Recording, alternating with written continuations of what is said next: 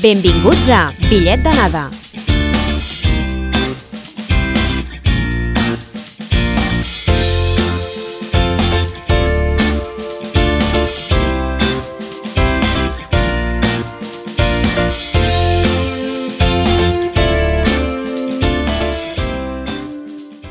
Salutacions i benvingudes a Bitllet d'anada al programa radiofònic que pretén descobrir nous mons i deixar els prejudicis de costat.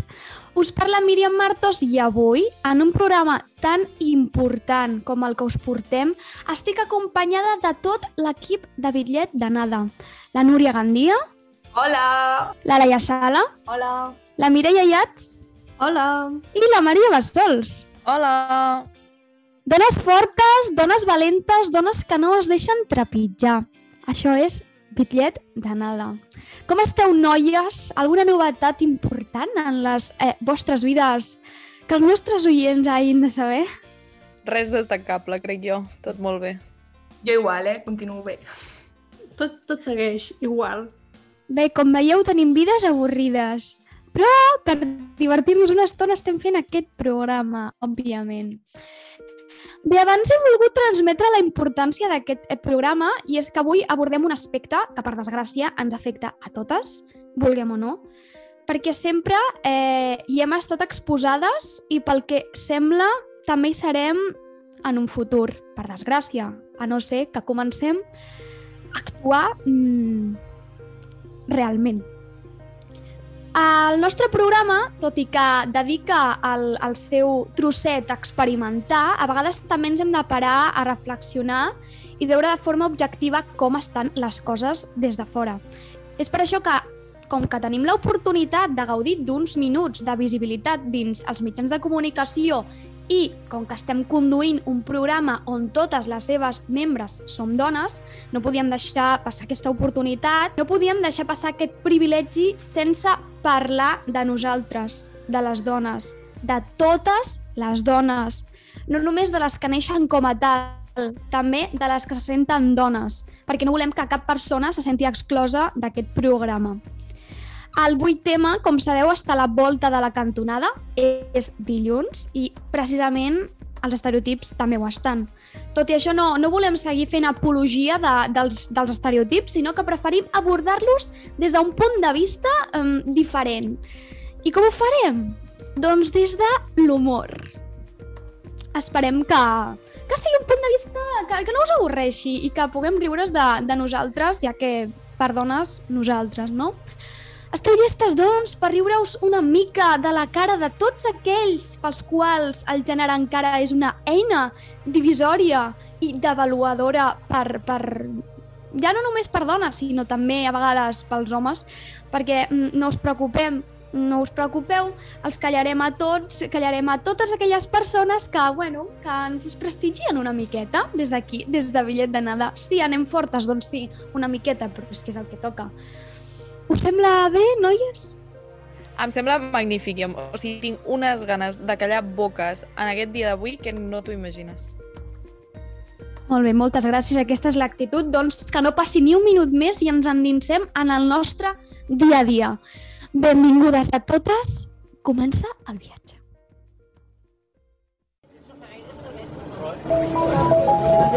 Propera parada. Totes. Bé, fa un moment he mencionat el tema dels estereotips i crec que per començar no ens aniria gens malament una dosi de realitat a totes. Exactament. De fet, a mi m'agradaria començar donant les gràcies a la societat per fer-nos creure que només per ser dones, només pel nostre gènere, ja som inferiors o més dèbils que les persones que són homes. I també donar les gràcies al diccionari de la RAE per posar aquesta idea per escrit. Moltes gràcies, però sento dir-vos que si penseu així, no teniu raó. I no perquè jo o nosaltres ho diguem, no, no. Ho mostren els fets. La gran evidència es troba en l'àmbit laboral, on el conegudíssim i encara existent sostre de vidre fa que les dones cobrin menys que els homes per fer la mateixa feina, on les dones tenen menys oportunitats d'accedir a llocs de poder i, a sobre, com que molts homes no són capaços d'actuar com a persones adultes més enllà del seu lloc de treball, majoritàriament són les dones les que s'encarreguen de les tasques de la llar i la cura dels fills en cas que n'hi hagi. Si no n'hi ha, hi haurà tot de gent preguntant per què no n'hi ha, i a sobre si ets dona i no tens parella, bueno, Mare meva, la teva vida és horrible. Però no només som jutjades per això, també som jutjades per la roba que portem. I, sincerament, no sé en quin moment es va establir com discurs té menys validesa per exactament quina diferència hi ha en la vestimenta, perquè fins on jo sé, la roba és la mateixa per homes que per dones, encara que ens la separin a les botigues, i que per portar una faldilla, que per cert, a molts homes els quedaria estupenda i és una llàstima que no s'atreveixin a portar-la, les paraules no canvien ni es buiden de significat. Per no parlar de l'extrema inseguretat que sentim quan anem pel carrer soles, sobretot de nit. És meravellós que existeixin eines com, per exemple, el WhatsApp, que ens permet enviar la nostra ubicació en directe a qui sigui. És genial que existeixi la tradició del envia'm un missatge quan arribis a casa, que jo sàpiga que has arribat bé. I és magnífic que a sobre, quan els pregunten a les enquestes, un 40% dels homes encara pensi que ha de protegir a les dones, de, les dones que l'envolten. De qui? De qui exactament les has de protegir? Dels teus iguals? Potser seria millor plantejar-nos no assetjar ningú, no? Així com a idea superboja que m'acaba de venir al cap. Sincerament, fer la mateixa feina i guanyar menys diners, arribar a casa i que normalment les responsabilitats recaiguin sobre teu, ser jutjada constantment per com ets i com vesteixes i a sobre no poder ni anar pel carrer tranquil·lament, perdoneu que us digui, però aguantar això no és de ser precisament el gènere dèbil. Ah, per cert, també podeu anar deixant d'utilitzar totes aquelles paraules que en masculí semblen tenir un significat i en femení un altre de ben diferent. Ja m'enteneu, perquè això només ens, amb això només ens mostreu la por que teniu cap a un gènere que durant anys s'ha aconseguit invisibilitzar, però que ja està demostrant la seva força. Eh, mm, ole, tu, Mireia, m'has deixat sin paraules, 100% d'acord, desgraciadament, amb tu. Mm, de veritat, espero que, aquest, que el que acabes de dir mm, faci reflexionar a molta gent que n'estigui escoltant. La Mireia avui ha dit, eh, voleu dades, voleu realitats? No us preocupeu. Aquí estoy jo, Mireia Iats, us les porto és molt trist, com ja has dit, Míriam, és molt trist que s'hagi de dir això. A més, cada any, cada any, és com que sempre és el mateix, malauradament, i és com que no entra al cap a ningú. Però, ja mira, si almenys així pues, algú s'ha d'enterar de les coses, pues, adelante.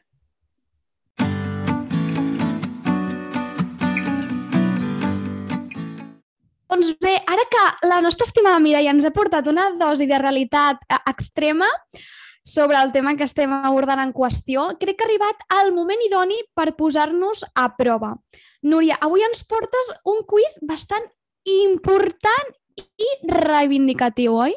Així és, Míriam. I és que aprofitant doncs, que s'apropa un dia tan important no, com és el 8M, us porto un quiz que posarà a prova els vostres coneixements sobre tots aquells estereotips i desigualtats que patim les dones diàriament per tal de veure si realment sou capaces doncs, de detectar-les o, per contra, doncs, les, heu, les hem acabat incorporant i adaptant com una cosa que és certa, però que en realitat no ho és. Llavors, esteu preparades, noies? Preparadíssimes, madre mía, se, va, se van a cagar. És que... A tope. Doncs comença el quiz. Primera pregunta. Quin és el motiu que explica que ens facin els forats de les arracades als nadons quan neixen? Opció A, no hi ha un motiu, és elecció dels pares que ho decideixen un cop neixen els seus fills. Opció B, s'utilitza per mostrar que el nadó és de sexe femení. Opció C, és un tret cultural dels països llatins com Espanya, Llatinoamèrica i fins i tot a Irlanda. O opció D, això no és cert i lo habitual és que les noies es facin els forats en l'adolescència. Opció A, és Eh, elecció dels pares. Ara sí, però jo crec que, en plan, en la història, vull dir, jo crec que quan va néixer la meva mare no li van fer els forats a les orelles perquè als meus avis els hi fes il·lusió, precisament. Exacte, crec que totalment. Ara sí, perquè ara, de fet, la gran majoria de nadons jo crec que n- no els hi acostumen a posar, però en el seu moment, mm, o inclús quan vam néixer nosaltres, Mm. crec que encara era molt, molt tradició. Vol- Vale. aposto per la A. Jo no. Sí, és que a mi, a mi la ve en, en plan històricament em pinta que era més aviat per dir això, en plan, la nena, bueno, la nena, l'infant és una nena. Sí, jo, sí, jo també Sí, ho sí. crec. Ni A ni B. És Oh, shit. En En sèrio? A veure, la cosa és que totes les respostes tenen una cosa de veritat i alguna cosa de cert, vale? però la bona bona és la C perquè al final aquí a Espanya i normalment allò on es fa els forats és per, una, és per tradició. no? Però bueno, si busquem com els orígens no, de per què es fan els forats, eh, hi ha gent que diu que es fa, que és tradició de l'època romana, no, on les dones feien els forats a les seves filles per, com a senyal de fortalesa, però també hi ha com una mena de teoria molt misògena que diu que eh, van ser l'home, doncs va ser l'home qui va decidir marcar a la dona des del seu naixement perquè patís, només pel, What the fuck? juro, només pel simple fet d'haver nascut dona. Jo no sé si creure-m'ho o no, però veient d'on venim, no m'estranyaria. Això anava a dir, vull dir, veient el que hi ha ara, ara avui en dia, 2021, no m'estranyaria gens que fa milers d'anys eh, fos per això. Vale. Segona pregunta. Genèticament, els homes són més forts que les dones. Per aquest motiu tenen més força i són capaços de suportar millor l'activitat física. Cert o fals? Falsíssim. Cert.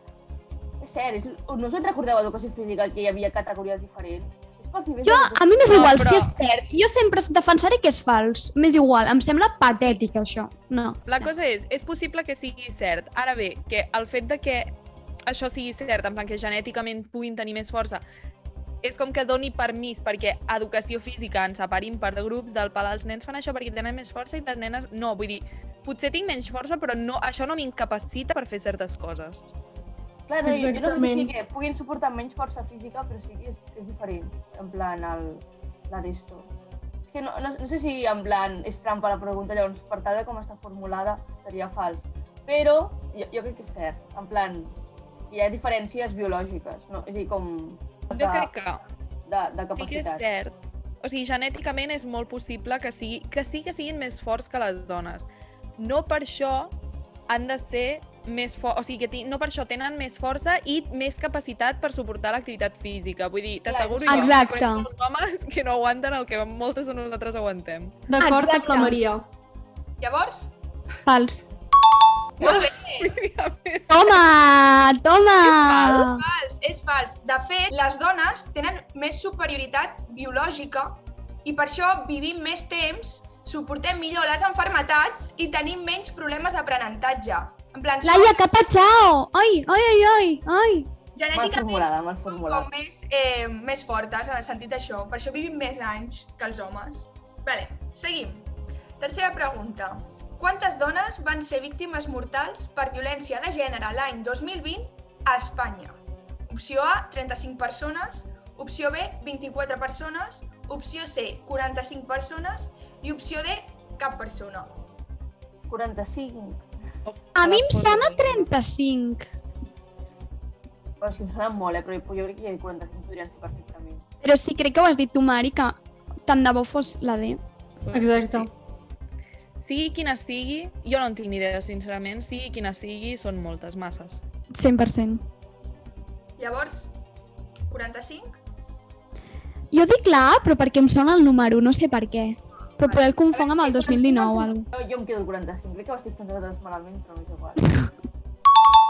Uh, Laia, tenies raó, són 45 Oh, persones. shit. Però, eh, bueno, això ja ens indica no, com està la cosa, en plan, re realment no hauria d'haver cap víctima, però bueno. Però és que des del 2003, que és el moment en què es va començar com a comptabilitzar, ja en portem 1.078 persones. En què? Mm, 20 anys, menys. Persones en 17 anys, eh? I, la, I perquè es va començar a comptar des del 2003, vull dir... Exacte. Si s'hagués comptat en els altres anys, quan... madre mia. ai. Però bueno. Quarta pregunta. Quin és el percentatge de dones que ha afirmat procurar anar acompanyada quan surt de nit? Opció A, 80%, opció B, 90%, opció C, 75% i opció D, 86%. 75. Jo crec que 86. més. 80, 80 o 86? Jo sí. 75 o 80. Pues no. El 90%. El 90%. 90. Vale? Segons un estudi elaborat pel RAC i l'asseguradora Zurich, 9 de cada 10 dones, és a dir, el 90%, procura anar acompanyada de nit. Una xifra que ja ens indica que alguna cosa doncs, no va bé. No va bé. No. Però és que a sobre, el 95 ha afirmat que opta per caminar per carrers on hi hagi gent i el 97 per carrers on hi hagin establiments oberts o il·luminats. Jo, sincerament, considero que són unes frases, ai, unes dades que a mi doncs, no em sorprenen, perquè al final doncs, ja he acabat interioritzant aquesta frase que em diu ma mare cada cop que surto de casa de no vinguis sola, no? Total. Jo que visc en un poble i tinc el bar de- d'oci a potser 3 minuts de casa i he de passar per un, carró, un carreró que és així antic, vell, que hi ha poca llum, ho passo bastant, bastant malament, eh? I mira que no hi ha ni Déu pel carrer, però mai saps què colla et pots trobar. És la típica situació que estàs, en plan, tornant a casa amb el mòbil a la mà, en plan, amb una conversa allà, plan, ràpid per si mm, s'acosta algú, no sé què, i el típic que veus algú de lluny i tu ja estàs com en tensió. Continuem ja amb la última pregunta i acabem. Quin és el percentatge de dones que lidera els consells d'administracions d'empreses que formen part de l'IBEX 35, és a dir, de totxes, no? empreses importants? Opció A, el 22,2%, opció B, el 33%, opció C, el 15,3% i opció D, el 5%. 5%, jo crec. És... Queria en plan que fos la, la A o la C. Jo crec que la sé. Aquest Jo com crec que la tres, 15,3. Doncs no, és la A, 22,2. Vale? Segons Són quotes, eh? O alguna cosa així, en plan, que els han obligat o algo. Bueno, que continua evidenciant que hi ha un sostre de vidre increïble. Madre mia. Bueno, a veure, eh, n'heu fallat unes quantes, però no passa res, noies. Crec que aquest Hem fallat per ser optimistes. Aquest és el problema. era per reivindicar i no per eh, doncs, encertar les respostes. Així que estem en una situació molt dolenta que hem de continuar lluitant i que esperem que algun dia doncs, totes aquestes dades siguin cosa del passat.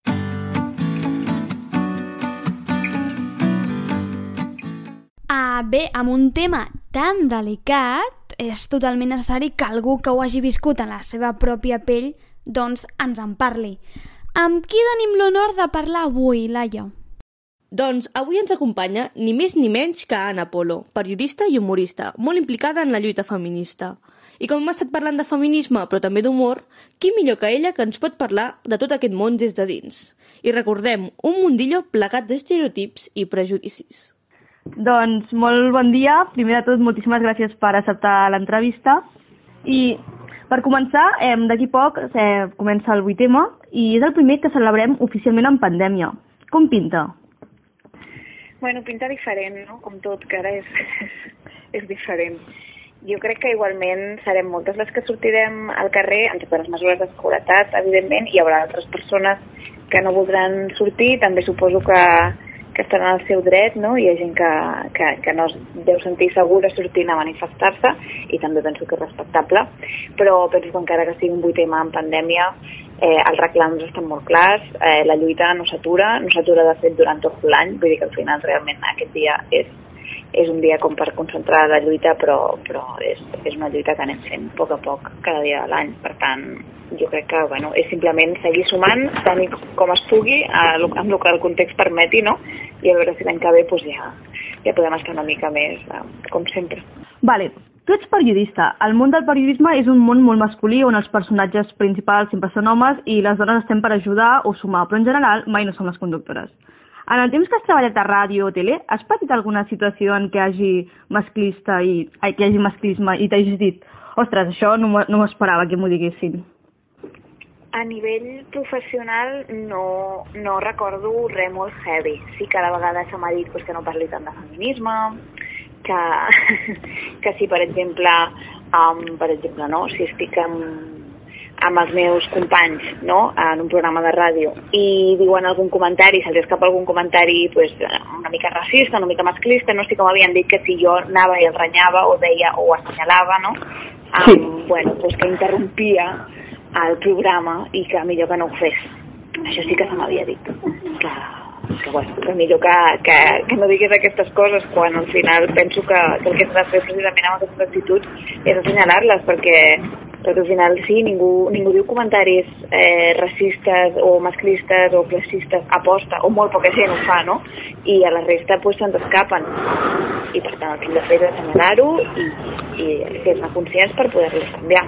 Llavors això sí que no és directament com una cosa super masclista, no? però sí que se'm convidava com a reduir el meu discurs feminista pel bé de la concòrdia. No? I, I bueno, penso que, mm, que moltes vegades també se'm demana que, que rebaixi el to no? com, com perquè no, no travessi algunes línies, no? que, que, que el meu discurs sigui una mica més moderat, que no em fiqui amics o a mi, i això sí que se m'ha demanat en diversos llocs, i, i després em sorprenc veient a homes en els mateixos mitjans que m'han dit això, uh, dient el que els surt, bueno, de la puta del pito, no? però és que és veritat, no? I llavors és com perquè ells no se'ls exigeix que siguin una miqueta més comedidos, no? I que no trenquin el to harmoniós i que, no? I que, i que Sí, sí. No, no ho entenc. No, això realment sí que és amb el que més em trobo que a mi se'm, se'm vol com conduir cap a un lloc o se'm vol rebaixar una miqueta el to, la contundència, i en canvi als homes se'ls hi permet tot. Vale, ara que has parlat precisament d'això, eh, també tu també estàs en el món de l'humor, que tampoc no és un món massa femení. Llavors, en molts casos, a les dones directament no se les inclou i si es fa monòlegs feministes és com si no poguessin fer altres tipus de monòleg. Per què creus que es dona aquesta situació? Bueno, es dona perquè de moment, no, com, que, com bé dius, el món de l'humor ha estat un món molt masculinitzat, doncs encara se'ns concep a les dones com humoristes pel nostre racó, no? És a dir, està molt bé eh, potser tenir una noia, per exemple, en un programa d'humor, però amb això ja en tenim prou, que és com per fer el tic de ja ens hem marcat el tanto i ja ningú ens pot acusar de masclisme, no? O se'ns pot donar un programa o un espai, però és el nostre espai, l'espai de les dones, no? No és l'espai universal, que és l'espai que ocupen els homes humoristes. Llavors, jo crec que és per, per la falta de costum de que hi hagi, de que hi hagi dones, no? I per tant, quan se'ns comença a incorporar, doncs es fa d'aquesta manera eh, tan pobra, no? I tan, I tan injusta, perquè al final mereixem tenir els mateixos espais ah, perquè som, som la meitat de la població, les dones, per tant, bueno, estem, bueno, com en tot, no? pues mereixem, mereixem aquest espai i també mereixem tenir els nostres propis programes, mereixem que pugui haver-hi més d'una dona en un programa d'humor, eh, no sé, mereixem també poder representar no, la realitat a través de l'humor, igual que porten fent els homes moltíssims anys. Perquè, mira, un dels principals estereotips que existeix entorn a les dones en el- l'humor és que no, no saben fer-ho. Tu creus que existeix la possibilitat que aquest estereotip es- aparegués perquè la por que tenien els homes a que les dones poguessin fer-ho millor que ells? Jo crec que, en certa manera, hi ha alguna d'això, és a dir, que els homes tenen por de que les dones eh, facin humor, no? Perquè llavors es, es poden sentir qüestionats, es poden sentir interpel·lats, no? es poden sentir violentats per, per aquests eh, possibles atacs no? que les dones poden fer des de l'humor. I també crec que hi ha una altra, una altra part de, bueno, de, el fet de que per fer humor, per exemple, tu t'has de mostrar vulnerable, no? Has de mostrar moltes vegades defectes teus. És a dir, eh, l'humor és el contrari de la perfecció, no? És a dir, quan una persona surt a un escenari a fer riure, moltes vegades assenyala els propis defectes, no? com, per, com per tenir una mica de, de, de complicitat amb el públic, no? I clar, tot això és algo que com a dones se'ns ha negat perquè, i nosaltres mateixes ens ho hem negat, perquè se'ns ha educat per voler ser perfectes, no? I per no mostrar cap mena de vulnerabilitat a, en espais eh, públics, no? I per tant, jo crec que hi ha una part on nosaltres mateixes de vegades no, no adoptàvem aquestes actituds humorístiques en espais eh, públics. Evidentment, en l'espai quotidià, en l'espai privat, sí que moltes dones eh, pues, han fet humor, evidentment, no? però, però sí que hi ha aquesta cosa com de, de no atrevir-se a exposar-se no? en un escenari i, o que, per exemple, quan s'exposen eh, la, la crítica del públic sigui molt més dura. Per tant, l'energia que cal i la valentia per tornar a pujar a un escenari és molta més que un home que va el primer dia que es puja a un escenari fer un monòleg i li va regulint, doncs bueno, després segur que li costa molt menys tornar-ho a intentar, no? En canvi, com, com a dones, jo crec que tot el que sigui exposar-nos i mostrar els nostres talents, diguem-ne, eh, és, és molt més difícil. Llavors això fa que el nostre, el nostre procés d'aprenentatge no? i de millora i de progrés en les disciplines eh, artístiques, creatives, sigui més lent i sigui més dificultós, perquè partim amb menys confiança no? I, i tenim menys oportunitats per part del públic. Vale, perquè, per exemple, parlant de tu, en els teus monòlegs que porten dins una reivindicació molt explícita, per molt que tractis de l'humor, aquesta reivindicació humorística et surt de manera natural o intencionada per veure si així fan més de cas? No, és totalment espontani, és molt orgànic. Eh, jo de tota la vida, quan m'enfado o estic molt trista, em surt, em surt fer-ne broma. Sempre. Em passa molt sovint que jo puc estar plorant destrossada i, i, i, bueno, i la, la persona que està escoltant-me s'està deixant de riure perquè jo no, no paro de fer broma. Um, la creativitat em surt una mica per aquí. Llavors és totalment orgànic, és a dir, jo mm, el que m'agrada és transmetre un missatge, és ajudar a, a, a fer reflexionar a la gent no? i entre totes pues, anar, anar millorant i anar fent, món, anar fent del món un lloc una mica millor i em surt fer-ho a través de l'humor perquè no em surt fer-ho de manera objectiva, de manera seriosa, de manera, no, eh, no sé, des d'un lloc més, més fred. No, em surt fer-ho d'una manera més personal i a través de l'humor, però no hi ha no és que jo digués, ah, vaig a ser humorista. No, no és tan així. És, és simplement que és la manera que tinc d'explicar les coses. També en, en termes d'humor, entre cometes, hem vist que la teva capçalera de Twitter és la captura d'un comentari d'un home que no et, recomani, que no et recomana per feminazi, agressiva i violenta. Ens podries explicar una mica el context d'això? Sí, doncs això és un dia que obro el meu Facebook i veig que un tal José Luis Delgado eh, no, no, a la meva pàgina no, no em recomana, com si jo fos un hotel o un, o un restaurant, no? Em posa zero estrelles, crec, o una, no sé, bueno, el mínim d'estrelles, no?, que em pot posar. I llavors posa això, que no me recomienda per feminazi agressiva i violenta. I em va fer tanta gràcia, realment, el fet que no em recomanés, no?, per fer, després ell hagués d'acotar feminazi agressiva i violenta, quan, quan en realitat, és a dir, com a molt violència verbal, no? Em fa, em fa moltíssima gràcia que ens diguin, bueno, feminazis per descomptat, però també agressives i violentes, quan, quan tampoc, tampoc ho som tant, ho podríem fer molt més. De fet, no sé si ens aniria millor si ho fóssim una miqueta més. I res, em va fer molta gràcia i vaig pensar que era com molt, molt definitori de qui jo era, no? Perquè si el tal José Luis Delgado, com ja milers de José Luis Delgado pel món, no? Deia això, segurament una persona que pot estar d'acord amb el meu discurs ideològic veu això no? i pensa, ah, esta, esta chica eh, me puede caer bien, no me puede gustar lo que, lo que va a emitir. I llavors per això vaig trobar que era molt definitori per la contra, no? Eh, és a dir, amb un insult eh, se'm defineix bé, diguem-ne. I tant. Llavors, actualment, a part de veure com fas monòlegs, també et podem sentir a Ràdio Primavera Sound i al podcast Oye Polo que juntament fas amb Oye Sherman. Estàs il·lusiona il·lusionada amb aquests projectes? Sí, la veritat és que sí, que estic, estic molt il·lusionada perquè, bé, perquè he arribat a un punt on, on més o menys em van, em van sortint feinetes, no?, i més o menys puc, puc arribar a final de mes, eh, tot i que em faltaria una miqueta més per arribar a millor final de mes, però sí que puc anar fent coses que, que van molt en sintonia amb qui jo sóc. I això és una cosa que és molt important per mi, perquè les vegades que he fet alguna cosa on això em demanen que rebaixi el to, que no sigui tan no sé què, que si això ho podria dir d'una manera més suau, Uh, sento que això no, no projecta la imatge del que jo tinc a dins i després em sento molt malament. I en canvi, tots els projectes que tinc ara, tant els monòlegs com em, uns vídeos que tinc a FibraCat TV i també el podcast, eh, realment és 100% qui sóc jo. I llavors, pues, pues això fa molta il·lusió, la veritat, poder fer coses que, no? on tu puguis ser 100% tu i la gent et pugui veure tal qual ets, eh, no, no sempre es pot, no sempre tot arreu et deixen, i tinc sort que almenys tinc com tres raconets on, on, on ho puc anar fent i a més el podcast com que el faig amb la meva amiga Maria Sherman, Maria Rovira pues, en, encara millor, no? que millor que treballar, treballar amb una amiga amb la que t'entens, amb la que tens complicitat i, i podeu parlar les vostres tonteries que la gent s'hi sumi i ho escolti i també li faci gràcia no? les mateixes tonteries. I ja, ja per acabar l'entrevista, què diries a aquelles persones tan joves com adultes que volen dedicar-se a l'humor però que no s'atreveixen a fer el pas perquè les jutjaran pel seu gènere?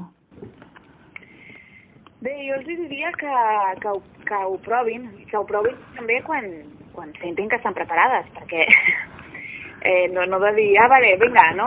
avui, no sé, no, no, no, no vull gens, no? I, i, i, i crec que anirà fatal i ho faig igualment. Bueno, crec que el primer dia que pensis això potser pots, pots descansar i dir, vale, no, no cal que em forci ja, però sí que crec que pots anar, per exemple, una cosa que faig jo molt és um, explicar-li coses als meus amics i llavors, de coses que m'han passat. I llavors, mentre ho estic explicant als meus amics, eh, ja veig si alguna cosa funciona, si no, si vaig fent comprovatures no? eh, secretes amb el meu entorn i llavors després m'ho vaig apuntant i m'ho vaig guardant.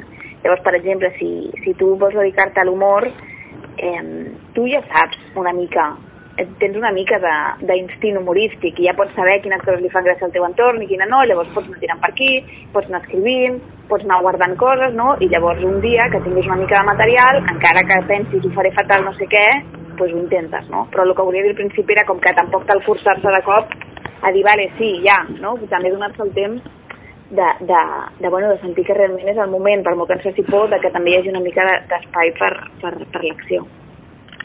Doncs moltíssimes gràcies, Anna, per l'entrevista i per aquests últims consells, aviam si l'audiència t'escolta. I que tinguis moltíssima sort en els teus projectes. Moltes gràcies a vosaltres, que vagi molt bé.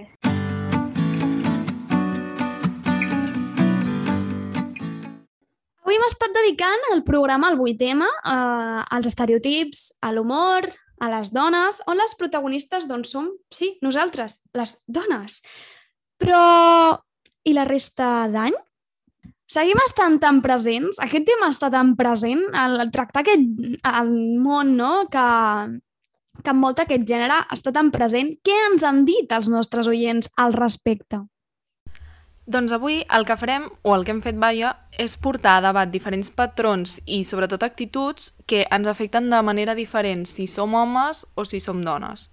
O sigui, ja des de ben petits, per exemple, són molt diferents les bromes que, que rebem en funció de si som nens o nenes. O si les rebem o no, perquè hi ha, va, bueno, hi ha certes bromes que només les rebem unes o altres. Llavors, quan hem posat aquesta pregunta damunt la taula, les respostes han sigut molt diferents. No, no recordo que m'hagin fet mai una broma relacionada amb el meu gènere. I doncs sí, sí, he escoltat um, bromes masclistes, allò de dir, bueno, mm, saps que, que llavors tu et sents inclús culpable per no riure-te'n, però és que realment no et fa gràcia perquè saps que és masclista. Bromes per ser home, segur que me n'han fet unes quantes. Vull dir, suposo que com, com a tothom li deu haver passat. Ser una noia mai m'han dit res, però pel meu cos sí que m'han dit potser prima o alguna així. Un altre món en el que hi ha moltíssimes diferències és el món del cinema. Si ets una nena, has crescut amb princeses. I si ets un nen, doncs el més possible és que hagis eh, crescut amb superherois. Llavors, eh, tenim personatges com molt diferents a l'hora d'agafar un referent quan són petits. I, bueno, per molt que avui en dia les últimes princeses Disney que han sortit doncs, no les hagin de rescatar i no tinguin el príncipe azul que les acaba salvant sempre, doncs, tot i així, encara queda moltíssima feina per fer. Però realment, què és el que busca la gent quan es fixa en un personatge femení? Que sigui guapa, que sigui intel·ligent... Doncs sortim al carrer a veure, a escoltar què diuen. Però és que sigui una persona normal, perquè de vegades és com que costa molt als guionistes o escriptors fer personatges femenins que es comportin d'una forma completament ordinària. Sempre que sigui emprenedora, que es, es sàpiga valer per ella mateixa. Tingui acció. O sigui, que no estigui darrere, una taula o assentada una cadira tot el rato, sinó en plan que faci coses igual que els nois. És que, a més, com bé sabeu vosaltres i sap tothom, la figura de la dona doncs, ha estat invisibilitzada al llarg de la història i també això ha passat en els nostres referents tant artístics com científics. Em... Creieu que és difícil dir molt ràpid tres científics famosos? Doncs segurament ens venen al cap molts i ens és molt fàcil dir-ne només tres. Però què passa si fem la mateixa pregunta però demanant tres dones científiques? De dones científiques només sabria dir la Marie Curie i d'homes, doncs, l'Einstein, l'Stephen Hawking i el Fleming. Hi ha la Marie Curie, de noia, uh, i no sé cap més.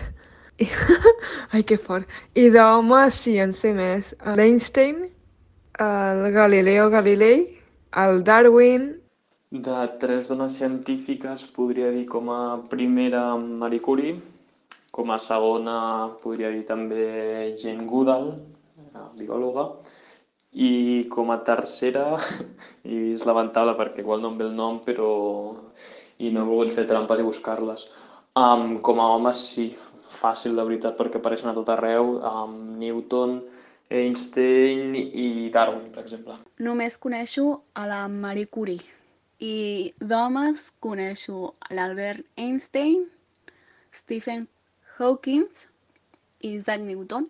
un camp en el que malauradament sí que predominen les dones és en les tasques de la cura, o sigui, les tasques de cura i les tasques de la llar. Quan hem preguntat a la gent del carrer qui s'ocupa d'aquestes tasques a la seva família, doncs aquestes han sigut les respostes. La majoria de tasques de la llar les fa la meva mare, però el meu pare també en fa algunes. A mi, la veritat, és que els dos. El pare i la mare, la veritat. O sigui, no hi ha un equilibri a l'hora de les tasques um, domèstiques, perquè, per exemple, uh, la meva mare s'ocupa molt del, de l'hora de, de la roba, també del, del menjar i tal. bueno, entre jo i la meva mare, sobretot el tema de cuinar, però sí que és cert que el meu pare, per exemple, no fa, no fa cas, pràcticament quasi feines a casa. Sí que és cert que va comprar i això, però mm, de feines domèstiques no en fa quasi bé. A casa meva les tasques de la llar jo crec que estan bastant repartides, entre, sobretot entre, entre el meu pare i la meva mare. Els, els fills igual fem menys cosa, però entre mon pare i ma mare sí que està ben repartit. Doncs, com heu pogut comprovar i hem pogut comprovar, encara queda molt camí per recórrer, però des de Bitllet d'Anada us animem a trencar amb tots, absolutament tots, els estereotips sexistes que segueixen existint i a lluitar per aconseguir la igualtat de gènere, que és molt i molt i molt necessària.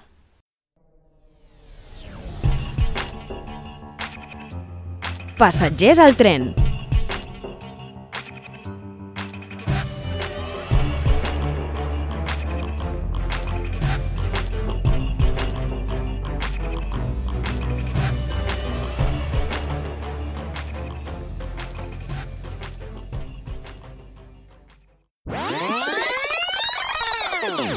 M'he tornat a sentir repugnant quan he tornat a, a rememorar algun tipus d'episodi que he viscut mentre treballava al bar.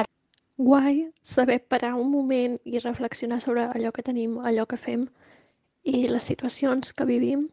que eh, ens ha servit per ser conscients que realment les dones encara patim molta desigualtat i que hem de continuar lluitant perquè això algun dia doncs, s'acabi. costat més, en el sentit perquè pues, tractàvem temes que em, em toquen molt de prop i, i pues, que són difícils, vulguis o no, quan ets una dona. I crec que ha sigut molt interessant aqu- aquest repte com a tal, encara que em, en alguns moments hagi sigut una mica més dur. Això que acabeu d'escoltar som nosaltres durant aquesta setmana. Com sabeu, en aquesta secció tan aclamada ens posem a prova durant tres dies, però aquesta vegada, en tractar-se d'un tema tan especial, no ho hem pogut fer, per raons òbvies, tot i que tenim moltíssimes coses a comentar. La pregunta del milió que us llenço és que vull saber com us heu sentit durant aquesta setmana, intentant lluitar amb tots aquests, bueno, contra tots aquests estereotips, comentaris, clixés que envolten a les dones en general. Home, jo, almenys a mi, vull dir, m'ha costat en el sentit de que doncs, totes sabem que parlar d'aquest tema mai és agradable i, vull dir, dona com, et deixa amb mal cos, però a la vegada, en certa manera, doncs, bé perquè dic, hòstia, doncs per fi tinc un lloc, saps? Tinc un espai per poder explicar certes coses i per poder parlar lliurement d'aquest tema. A mi eh, m'ha generat molta impotència, perquè tinc la sensació que cada any no, és igual, continues lluitant, surts al carrer i tal, i realment no veus cap millora. Llavors és com, bueno, doncs mira, un altre avui tema, no? però és que no millorem. Llavors és com absurd, a vegades. Estic una mica d'acord amb la Núria, però sí que és veritat que cada vuit tema, bueno, aquest any no crec per al- tot el tema de la pandèmia, però sí que és veritat que cada vuit tema ja s'ha anat sumant com més dones i com es reivindica una mica més. Jo, a mi això sí que m'alegra perquè es, es visibilitza més el moviment feminista, perquè sí que és veritat que fa uns anys o sigui, sí que existia, però potser eren com més mal vistes, rotllo, es- estava com més de moda el de feminazi, ara feminazi és una paraula que t'ho diuen i et dius a la seva cara, saps? Jo crec que en aquest sentit, encara, òbviament encara queda molt de camí per recórrer, però sí que és veritat que s'ha visibilitzat molt el moviment feminista i a mi això m'alegra.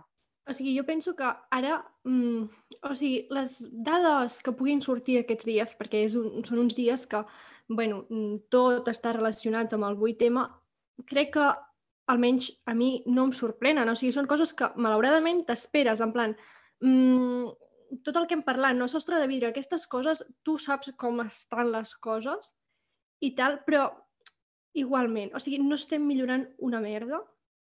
I, i és com, mm, tornem a lo que deia la Núria, és que seguim un any, un altre any, un altre any, i tot segueix igual, però és que, mm, és que si ha, no sé, encara és més necessari de dir, pues, joder, em, assentem-nos i parlem-ne, perquè, o sigui, una cosa que només se'n parlen mitjans o, o les empreses fan coses per visibilitzar aquest tema durant una setmana, són coses que realment nosaltres sentim i segurament vosaltres en parleu amb amigues i aquestes coses, amb les joves que vivim tot l'any. O sigui, tot l'any estan presents, però només es mostren ara.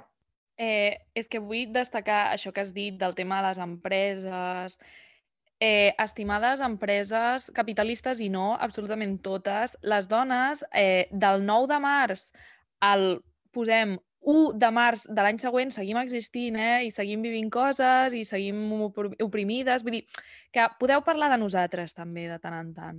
És superfàcil això, és superfàcil fer una campanya publicitària, escriure un titular, eh, fer un tuit sobre si des d'aquesta empresa o des d'aquest ministeri eh, recolzem qualsevol acte, però també de, després d'aquests dies, com heu dit, també reconeixeu-nos la nostra feina, no?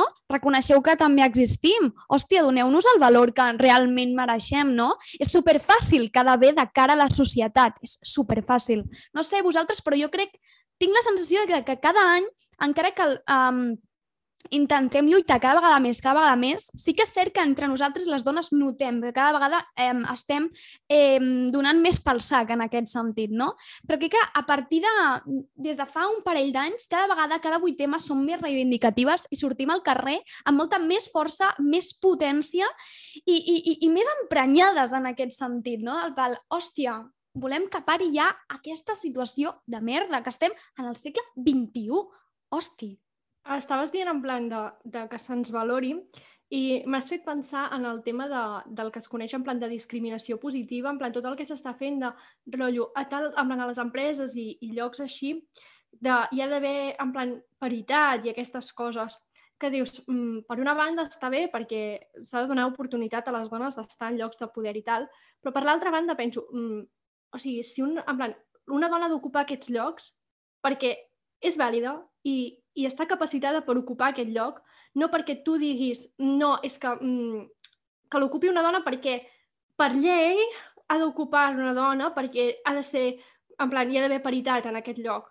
No, o sigui, les, jo penso que les dones mm, som igual de vàlides i estem capacitades per ocupar aquests llocs, no perquè tu ens vinguis a donar una plaça pel fet de ser dona, sinó perquè, cony, puc ocupar aquest lloc. És que, de fet, és com una mica crític, no?, que molta gent, moltes empreses, quan et demanen el currículum, el primer que miren és quin... De... Ja no el nom ni tal, no, el gènere d'aquests, en plan, oi, ui, si és dona, ui, ui, ui, anem alerta. A part que amb això de, de triar el, bueno, de el sexe també estàs discriminant a un punyau de gent de diversos col·lectius. Però bueno... Sí, jo respecte al que tu has dit, eh, Míriam, rotllos, en plan, molt, molt d'acord, eh? però també jo, jo de les empreses a veure, és una cosa que jo crec que encara a nosaltres no ens ha tocat, perquè encara som molt joves, però és el que et preguntin si et vols quedar embarassada o si vols tenir fills en un futur o si tens fills actualment. I que depèn de què, doncs mira, potser no et contractem perquè, clar, ens hem de permetre una baixa a quatre mesos o, o més per, per dificultat de l'embaràs, doncs potser no et volem contractar. I a mi això em sembla lamentable, eh? Lamentable. Això els homes segur que no li pregunten. És que m'hi jugo la meva mà eh, jo crec que ens quedaríem flipant de les empreses que acomiaden a gent perquè les dones es volen quedar embarassades o perquè t'has quedat embarassada i et foten al carrer. O sigui, per què ells ens han de treure el dret de voler ser mares? Què passa? Que no podem? Si volem treballar i volem tenir una feina, no podem ser mares. Això, això ho trobo... I destacar que, vull dir, quan una dona agafa la baixa perquè tindrà un fill, no l'agafa en general, a no ser que hi hagi complicacions, quatre mesos abans. Vull dir, l'agafa potser una setmana, dues, si m'apures, i recordem que ara els homes, tant homes com dones, tenen el mateix temps de baixa paternal o maternal. Eh, vull dir, quina és la diferència ara exactament? Mm, si tots... Vull dir, ells també estaran de baixa, que no, no ho estic criticant, eh? Però vull dir, si el temps de baixa és el mateix, per què a mi m'ho has de preguntar i et pots fins i tot plantejar fer-me fora perquè, em quedaré, perquè estic embarassada i perquè tindré un nen i en canvi a la parella, al meu marit o qui sigui, ni t'ho planteges si estarà fora al mateix temps. És totalment això. Vull dir, l'home també estarà a casa seva cuidant del seu fill. Vull dir, és que és el mateix. Hosti, nosaltres, com que potser és el fet de, vale, és que físicament, no, entre cometes, estarà incapacitada, vale? que no és ni incapacitada, al contrari, tu quan tens el fill descanses i estàs amb el teu fill, l'estàs criant des dels primers perquè no deixaràs abandonat a un nen d'una setmana, hòstia, però el pare també està al costat de la mare perquè el pare també és progenitor del, és que són coses que, t'ho juro, em posen de molt mala llet perquè no les entenc, no les entenc. A mi se'm, en plan, em jutjaràs si et dic no, és que jo tinc fills o tal, i en plan, et plantejaràs agafar-me per un lloc de treball. Um, I a un home no. És que jo crec que directament això no t'ho pregunten si ets home. Bé, per, per, per Instagram, aquesta setmana vam explicar als nostres seguidors algunes situacions desagradables que ens havia tocat viure no? pel simple fet de ser dones. M'agradaria, però, que deixéssim constància de la repugnància que hem sentit en aquestes situacions i alguna altra n'ha viscut, perquè realment jo crec que per Instagram no deixes no clar amb, amb quina segons història no deixes clar. I a més a més també si alguna vegada us, ens han fet sentir inferiors o diferents pel simple fet de ser dona, que sincerament m'avanço a les vostres respostes, crec que per desgràcia gairebé totes estarem d'acord. Bueno, eh, jo puc donar-vos la... O sigui, jo parlo des de l'experiència d'haver treballat dos estius, bueno, i un hivern a un bar a hostaleria, ¿vale?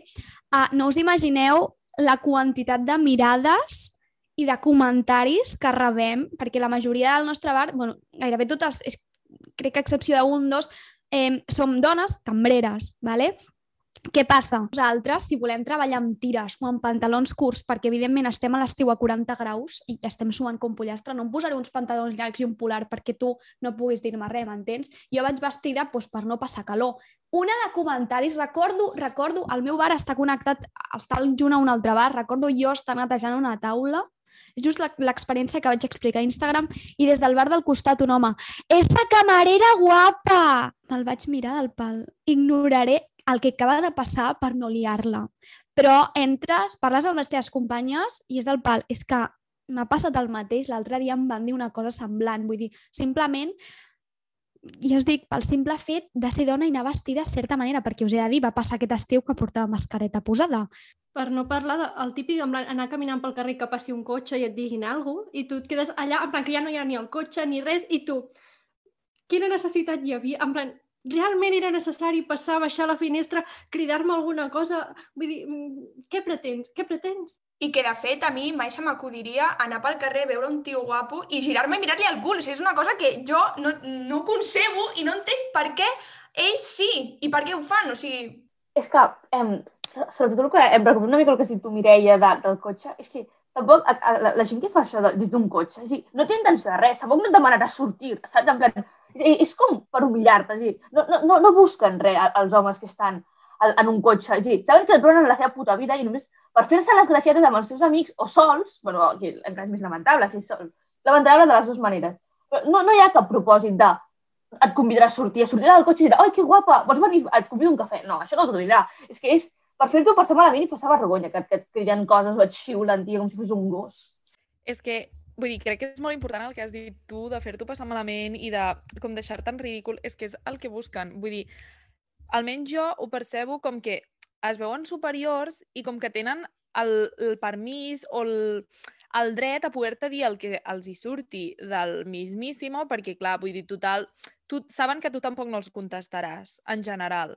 I per això, quan algú els hi contesta i els hi deixen algun moc, ah, hòstia, es queden ahí de ai, però tampoc és tan buena, eh? En... I que el pitjor és que es pensen que ens agrada, que ens diguin coses pel carrer. I en plan, bueno, volia com parlar també de l'experiència que vaig explicar jo, que també se'ns qüestiona molt, en plan, no és algo a part de, del que fem o tal, se'ns qüestiona, que és a mi una cosa en plan, que em fa molta ràbia, pels nostres gustos. En plan, jo sóc una persona que segueixo mm, el Mundial de MotoGP i tot això perquè m'agrada. I són molts els casos en què m'he trobat que quan ho comento a algú, generalment homes, um, directament a mi m'agrada MotoGP per X pilot, perquè X pilot em sembla guapo, perquè no sé què, i crec que passa en molts esports, en plan, futbol, tot això també, perquè X futbolista et sembla guapo, i plan, què passa? Que perquè sóc dona no em pot agradar l'esport com t'agrada a tu? Bé, um, com veieu, ens ha encantat aquest tema. Um, en aquest cas no us preguntaré si hem, si, si hem superat el repte, perquè no és un repte per superar. Diguéssim, les desigualtats uh, de gènere encara hi hem de fer front, uh, però hi hem de ser-hi totes per realment superar-les.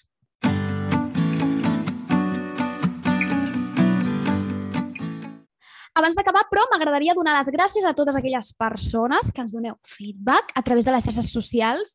No deixeu de fer-ho perquè ens encanta, ens emocionem i mm, cada vegada que participeu el programa és una mica més vostre.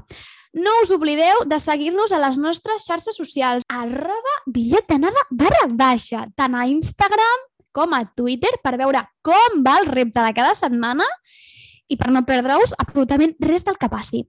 I si encara no heu escoltat algun dels nostres programes o voleu reviure'n algun perquè us va encantar i el voleu compartir amb els vostres amics i familiars, recordeu que trobareu els podcasts a Spotify, a Anchor i podeu tornar a veure els bescanvis tant a Instagram com a YouTube, tot sota el nom de Bitllet d'Anada. Canvi de via.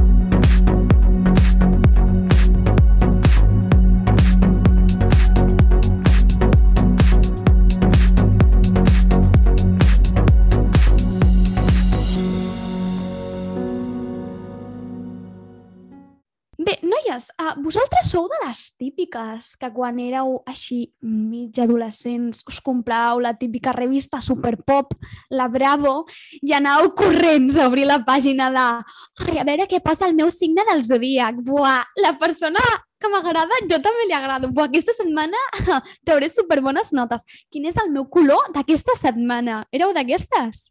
Sí, sí, de la Bravo. Jo era molt fan de la Bravo, tio. 100% sí. I de les de buscar, vale, eh, el noi que m'agrada quin signe és, vale, a veure què diuen el seu signe, a veure si compa és compatible amb el meu. I no fèieu el típic de si no us agrada la resposta, la ignoràveu. Va, no he llegit res. Buah, buah, eh, no m'agrada la resposta. Buah, és que els horòscops, vull dir, és tot mentida, saps? I quan et diuen alguna que t'agrada el pal, buah, és que 100%, vull dir, no la podria haver clavat més. Bé, doncs eh, llavors segur que encara ho feu, vale? segur que encara seguiu a les típiques pàgines d'Instagram on es desvellen les característiques pròpies que ha de tenir un sagitari, que ha de tenir un cranc, que ha de tenir un capricorni i que quan ens diuen el que volem sentir doncs estem hipermega super felices. Absolutament sí. Vull dir, lo típic de... Eh, típico de... ah, Jo en el meu cas soc Virgo. Típico de Virgo. Eh, I a, vegades et diuen coses que no tenen res a veure, però tu dius, buah, sí, perquè en realitat... Vull dir, si ho acotes una mica, sí que s'assembla molt a això que faig jo de vegades. Jo segueixo com 40 pàgines que són arroba tu horóscopo càncer i cada setmana et diuen el que et passarà la setmana. I jo... Hòstia, Núria! Això no ho esperava, eh. Tan heavy no eh, jo. Jo tampoc, jo tampoc. Si algun cop em surt alguna sugerència, m'ho llegeixo i tal, i potser faig això de la Maria de té raó, no sé què, 100%, tal. Però no, o sigui, no segueixo una pàgina específica, ni, ni, ho busco cada setmana. I això, òbviament, no. Bé, doncs, que, veient que us encanta, què us sembla si la setmana que ve, bueno, d'aquí dues setmanes, el pròxim podcast que sentirem que podem fer, uh, parlem d'aquest món tan particular i peculiar com és l'astrologia. Ens endinsem en el que diuen els astres, us sembla bé? A mi em sembla meravellós. M'encanta. És interessant, és interessant, si més no. Bueno, heu escoltat Se viene programón, o sigui, prepareu-vos perquè estarem living. Doncs des de Bitllet d'Anada ens acomiadem fins a la propera emissió. Esperem que hagueu gaudit del programa i que us hagi doncs, passat una horeta entretinguda. Si és així, no dubteu en comunicar-nos-ho. Tornem dissabte vinent amb un nou bescanvi al nostre Instagram TV i ens escoltem d'aquí dues setmanes de nou a Ràdio 4 amb un programa molt diferent dedicat a l'astrologia. Evident també ens podeu trobar a UAB Campus Mèdia. Recordeu que podeu seguir-nos a Instagram, a Twitter, amb arroba bitllet d'anada barra baixa i si encara no heu vist el repte d'aquesta setmana, esteu tardant perquè creieu-me que val la pena. Per últim, avui, amb aquest programa tan important des de bitllet d'anada i tot i que cada dia sigui un buit tema, donem suport a totes aquelles que ens manifestem pels nostres drets en una vetllada on es commemora el Dia de la Dona. Cada dia és el nostre dia, però us animem a ser especialment reivindicatives aquest dilluns, ja que potser és un dia on som una mica més escoltades. Així que endavant totes juntes i bon viatge.